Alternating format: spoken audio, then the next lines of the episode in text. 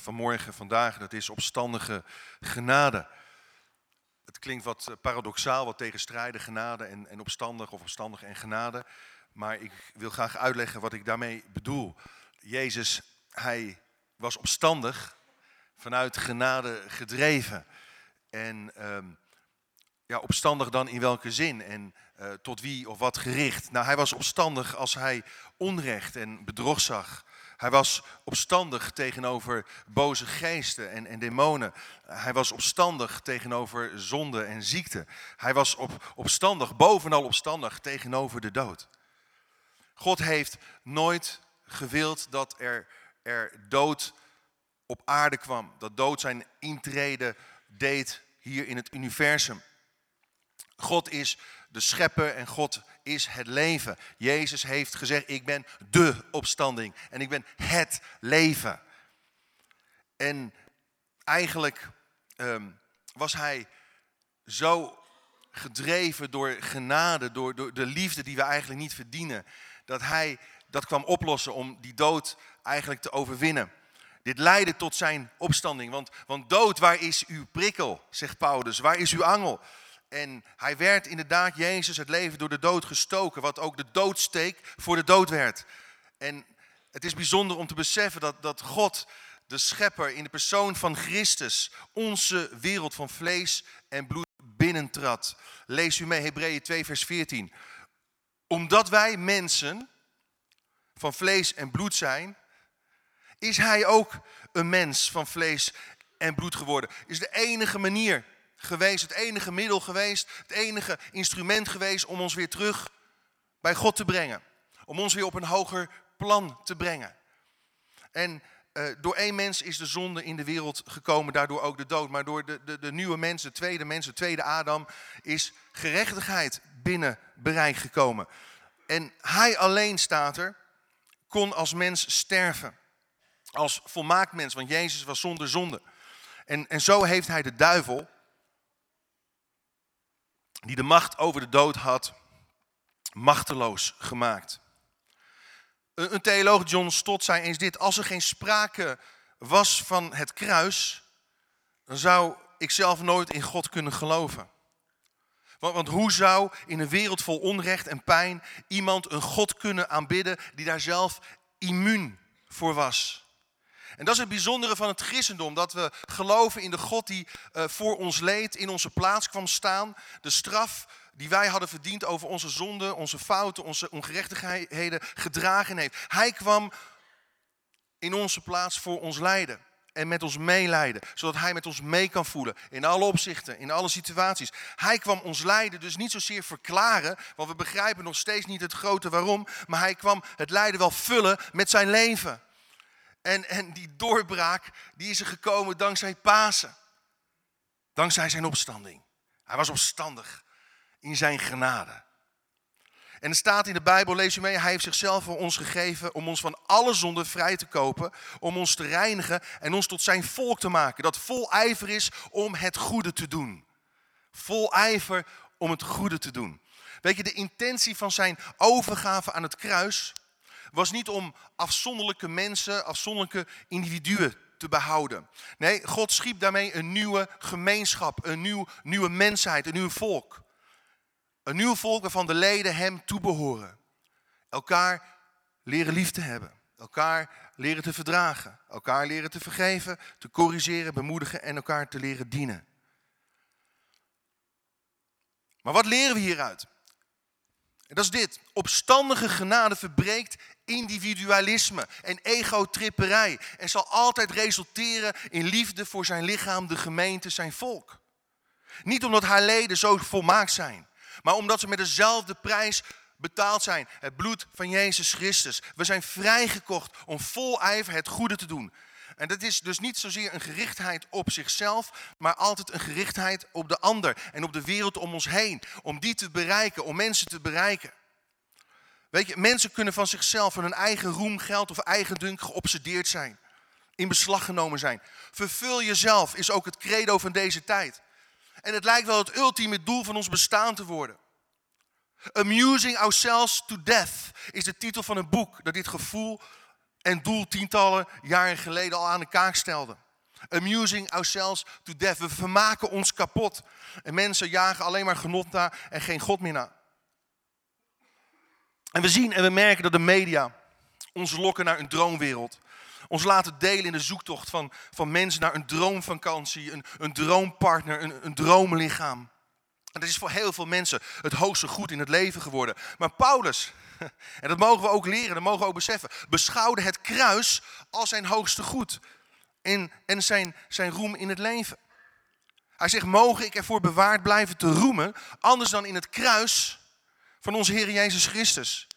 En dan zegt u, lees hij mee, in Galaten 2 vers 20, met Christus ben ik gekruisigd.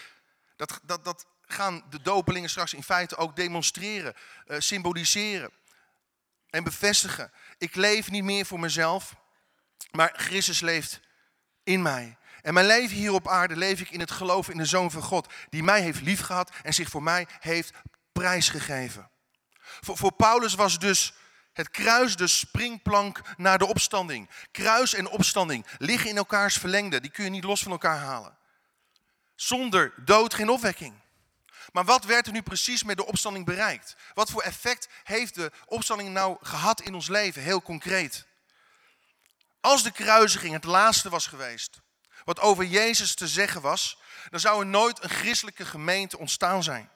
Dan zou er nooit een Nieuw Testament geschreven zijn. Dan zou Jezus slechts een van de vele goeroes en profeten zijn geweest.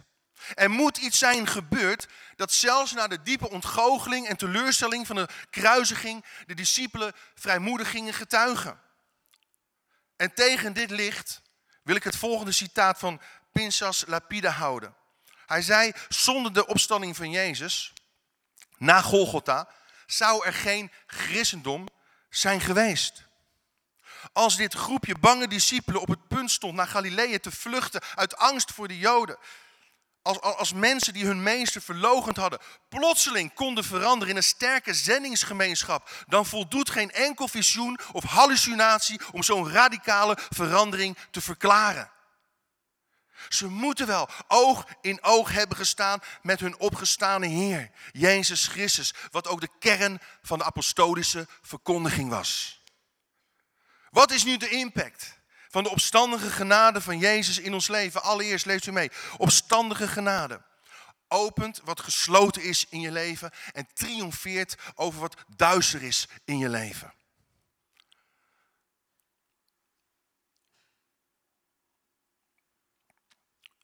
Opent wat gesloten is in je leven. Het resulteert in de kwijtschelding van je zonde en je schuld. We hebben het ook gelezen aan het begin van de dienst. De steen van het graf was op de eerste dag van de week weggerold, weggenomen. En dat betekende een nieuw begin, een nieuwe start, een nieuw leven. Het graf was open. En de vraag is, wat moet geopend worden in mijn leven? Wat moet geopend worden in jouw leven? Wat zijn de blokkades? Wat zijn de stenen die jou blokkeren? Die jouw leven verduisteren? Die jouw leven belemmeren in je geestelijke groei en wandel met God? En we kunnen misschien allemaal wel eens spijt hebben van dingen die we gedaan hebben in het verleden. Ach, hadden we die woorden maar niet uitgesproken. Ach, hadden we die dingen maar niet gedaan. En schuld kan een enorme last zijn. Ach, kon ik maar opnieuw beginnen. En weet je, dat is de boodschap van Pasen, dat kan. Er is een nieuw begin voor jou mogelijk. Er is nieuw leven mogelijk. Er zijn nieuwe mogelijkheden en kansen mogelijk. Dat kan, want Pasen opent ons leven voor nieuwe kansen.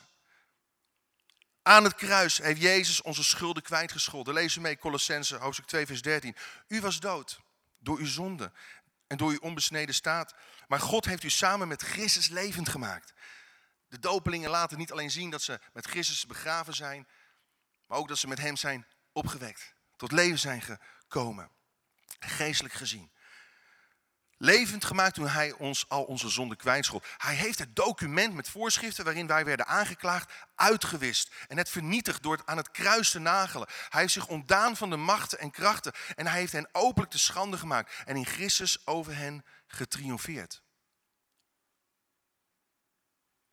Het bewijsstuk als document, dat was in die tijd een soort van schuldbewijs. Een lijst met overtredingen. Het werd boven het hoofd van gekruisigden opgehangen. En de enige beschuldiging die ze konden bedenken om Jezus aan de kruis te nagelen was dat hij gezegd heeft, ik ben de koning de Joden. Of dat mensen dat over hem hebben gezegd. Maar wat deed Jezus? Hij wist dit document uit. Hij heeft dit vernietigd door het aan het kruis te nagelen. Alles wat tegen jou getuigde, alle, alle aanklachten, alle beschuldigingen uit het rijk de duisternis, heeft hij aan het kruis genageld. De aanklacht van Satan is in ons leven, is in mijn leven verbroken. En zo worden de machten uitgekleed, ontwapend, tentoongesteld. De claim die ze op ons leven hadden wordt verbroken. En dat is fantastisch. Duisternis wordt verbroken in je leven. Weet je, in, in die tijd, Paulus gebruikt hier een heel mooi beeld als hij zegt dat, dat Christus over hen getriomfeerd heeft door hen openlijk te schande te stellen. Hij gebruikt een heel mooi, mooi beeld uit, uit die tijd. Want in die tijd werden krijgsgevangenen na een overwinning meegevoerd in een zegentocht door de stad, geboeid. En ze werden uitge, gescholden. Ze werden, ze werden besmeurd met allemaal viezigheid. Geboeid aan touwen werden ze te schande gemaakt. Zo heeft Jezus het rijk, de duisternis, te schande gemaakt. Toen hij aan het kruis het bewijsstuk dat tegen ons getuigde heeft uitgewist. Wauw, er zijn weer nieuwe kansen voor jou. Er zijn weer nieuwe mogelijkheden voor jou. Er is weer een nieuw begin voor jou mogelijk. Want Jezus is ook opgestaan uit de dood om dat te bevestigen en te bewijzen. Daar kom ik op het eind op terug. Ten tweede, Opstandige genade brengt vrijheid in slavernij en produceert vertrouwen in angst of in onze angsten, in, de angst van ons leven. Als Jezus niet zou zijn opgestaan, zouden we nog steeds ontzettend gevangen zijn geweest in, in, in angst voor de dood, in, in schuld en in zonde. Maar opstandige genade brengt vrijheid in slavernij en produceert vertrouwen in angst. Het resulteert in een leven onder leiding van de Heilige Geest. Want kijk, we kunnen natuurlijk niet onszelf veranderen. Daar hebben we de Heilige Geest voor nodig. Veel dingen kunnen mensen niet beheersen in hun leven. Veel mensen zeggen, ja, ik heb mezelf niet meer in de hand. Ik heb mezelf niet meer onder controle.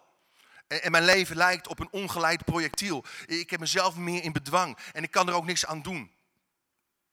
Ik voel me machteloos om nog iets aan mijn relatie te doen misschien. Ik voel me machteloos om een bepaalde gewoonte te doorbreken in mijn leven. Of ik kan mijn tijd en mijn agenda niet beheersen, mijn financiën niet. Help, ik word geleefd. En heel veel mensen beheersen zichzelf niet meer. Maar opstandige genade, luister goed, legt zich niet neer bij fatalisme en pessimisme. Maar brengt vrijheid in slavernij. Brengt vrijheid in, in gebondenheid. En Paulus, hij zegt het als volgt. En dat is zo mooi in Romeinen hoofdstuk 8. Want als de geest van hem, lees je mee, die Jezus uit de dood heeft opgewekt, in u woont, dat is zo mooi, zal hij die Christus heeft opgewekt, ook u die sterfelijk bent, levend maken door zijn geest. Door zijn geest die in u leeft. Romeinen hoofdstuk 8 vers 11. Wat, wat is dus het effect van de opstanding geweest? Wat is dus de, de uitwerking van de opstanding geweest? Heel concreet in ons leven. God geeft jou een nieuwe natuur. God maakt jou deelgenoot zelfs aan zijn goddelijke natuur. Door aan het kruis onze oude ik te kruisigen in Christus. En dan komt de geest van God in ons wonen, die Jezus uit de dood heeft opgewekt. Hij gaat je leven leiden en hij doet je leven zoals God je bedoeld heeft. Zoals God je gemaakt heeft. En je mag in de voetstappen gaan treden van de Heer Jezus. En je mag de werken gaan doen die Hij van tevoren voor jou al klaar heeft liggen en voorbereid heeft. Zodat we met elkaar een volk mogen zijn, vol ijver om het goede te doen. Niet lauw, niet slaap, maar vol ijver, vol passie, vol vuur. En die boodschap van de opstanding mogen brengen in deze wereld. Waarin zoveel duisternis is, waarin zoveel eenzaamheid is, waarin zoveel onreinheid is en ellende. Ja, de kerk is de hoop van God voor deze wereld. En dan zegt hij, u hebt de geest niet ontvangen om opnieuw als slaven in angst te leven. Nee, u hebt de geest ontvangen, vers 15, om Gods kinderen te zijn. En om hem te kunnen aanroepen met Abba, Vader. God, u mag zelfs mijn mijn papa worden. Mijn vader. En, ik geloof ook hier vandaag zitten mensen die, die angst kunnen hebben voor van alles en nog wat.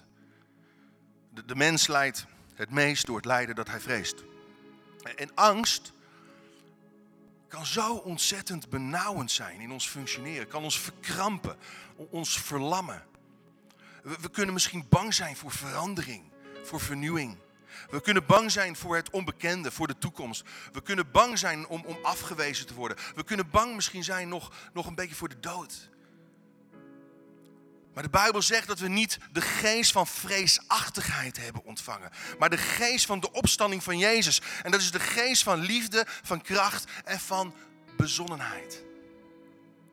Met andere woorden, het effect van de opstanding in je leven, heel concreet, is dat je positie veranderd is van een slaaf tot een kind van God, een zoon of dochter van bestemming. En dat is in feite wat de dopelingen vandaag laten zien. En, en ook wat Paulus bedoelt te zeggen. Hij bedoelt te zeggen dat we diezelfde geest die Jezus uit de dood heeft opgewekt, nu in ons mag wonen en leven en ons, ons mag beheersen. Niet meer onze oude ik, onze oude natuur. Nee, we mogen juist beheerst worden door die nieuwe natuur. Ons, ons richten niet naar het vlees, maar naar de geest. En we hoeven nu niet meer bang te zijn voor een straffende God. Want omstandige genade produceert vertrouwen in onze angst en verzekert ons dat we de kinderen van onze papa in de hemel zijn. Niet ontvangen de geest om als slaven in angst te leven. Nee, de geest om Gods kinderen te zijn. Onze positie is veranderd. Weet je, het verhaal van de Passion is niet op Goede Vrijdag gestopt. Het kruis alleen is niet genoeg. Heel veel mensen stoppen bij het kruis. Denken, oh dat is wel mooi geweest zo. Hij is gestorven. The end, einde verhaal. Weet je, als dat het einde was geweest, dan zou er geen overwinning hebben plaatsgevonden. De zonde was dan niet echt overwonnen. En ik wil uitleggen waarom niet, heel kort. Dan zaten we namelijk nog gevangen in angst en vrees voor het oordeel over onze zonde. En dat is, is wat Paulus ook bedoelt in Romeinen 8. We hoeven daar niet meer bang voor, te zijn. Want Jezus heeft de toorn van God over onze zonde, de woede van God, heeft, heeft hij weggedragen. Heeft hij als een bliksem afleiden van ons weggehaald. Maar als Jezus niet zou zijn opgewekt, dan zegt Paulus, dan is ons geloof zonder kracht, zonder inhoud, zonder effect. Zonder nut en resultaat. Dan, dan kun je de verlossing en de vergeving wel vergeten. Dan zegt hij letterlijk, dan bent u nog een gevangene van uw zonde. En Jezus kwam om vrijlating uit te roepen voor gevangenen. En hierin zit de kern. Als een straf op de zonde, en de Bijbel zegt dat is de dood, want het loon van de zonde is de dood, niet ongedaan wordt, niet ontkracht wordt, dan is de zonde er dus nog. Maar door Jezus' lichamelijke opstanding is aan de duivel, de dood en de zonde hun macht ontnomen. In de lichamelijke opstanding wordt de vernieuwing geopenbaard en daarmee verliest dus de zonde en ook de duivel haar macht. De sporen van de dood zijn dus in Jezus' opstanding uitgewist. En zijn opstanding is op ons opstanding geworden. Zijn lichaam, verheerlijk lichaam, zal ons verheerlijk lichaam worden. Zijn heerlijkheid wordt onze heerlijkheid. En daarom weegt het lijden van deze tegenwoordige tijd niet op tegen de, over de heerlijkheid die over ons geopenbaard gaat worden. Maar nu ook heel concreet, lieve mensen, luister goed. Kan geopend worden wat gesloten is in je leven. En kan wat duister is, verdreven worden in je leven. Kan je losgemaakt worden van, van de macht van het verleden. Een leven vol angst kan veranderen in een leven vol vertrouwen. En ik wil je uitdagen om met mij mee te bidden om, om God een wonde in jouw hart, in jouw leven te verrichten. Ik wil je uitdagen om zachtjes gewoon mee te bidden. En dat licht van Pasen, de kracht van de opstanding te laten werken, te laten stromen in je hart, toe te laten in je leven. Zullen we bidden? Heere God, dank u wel. Dat we de opstanding van Christus mogen vieren. Heer, dat u de steen hebt weggerold. Het leven, heeft de dood verslonden. O dood, waar is uw prikkel?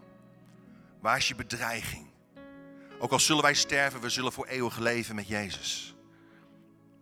Heer, dank u dat het licht de duisternis overwonnen heeft. En Heer, ook in, in mijn leven, in mijn hart, kunt u stenen wegrollen. Wat gesloten is, openbreken. De steen van misschien verbittering. De steen misschien van onreinheid. De steen misschien van verwerping. De steen misschien van minderwaardigheid. Heer, haal die stenen weg. Heer, mijn schuld hebt u gedragen. Mijn angst hebt u overwonnen. Heer, dank u wel dat u mijn positie hebt veranderd. Dat ik een kind van de Allerhoogste God genoemd mag worden. Heer, ik, ik, ik, ik wil kunnen bidden. Abba Vader. Ik wil kunnen zeggen, kunnen beleiden, Abba Vader. Niet alleen God mijn schepper, maar ook Abba Vader. Heer, kom in mijn leven. Kom werken met uw kracht. Neem Jezus aan als je dat nog niet eerder gedaan hebt. Vandaag. Er is een nieuw begin voor jou. Er zijn nieuwe kansen, mogelijkheden die opengebroken worden voor jou. In jouw huwelijk misschien, in je relaties. Ontvang zijn geest. Ontvang zijn genade. Opstandige genade. Die alles openbreekt. En ons leven vult. En ook als je misschien al, al jaren gelovig bent. Misschien is het tijd om je nog meer te openen. Voor die geweldige kracht van God. Om zijn leven te laten stromen in je leven, in je hart, in je doen en laten. Misschien zijn er toch nog stenen in de weg komen te zitten. Waardoor Gods licht niet volledig door kan breken.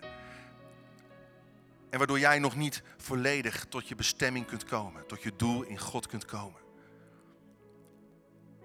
Zeg maar heel eenvoudig tegen God je Vader, Heer, haal die stenen weg, haal die blokkades weg.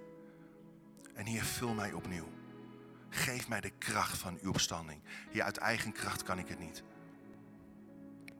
Heer, u hebt het volbracht en u bent de overwinnaar in mijn leven. In Jezus' naam. Amen.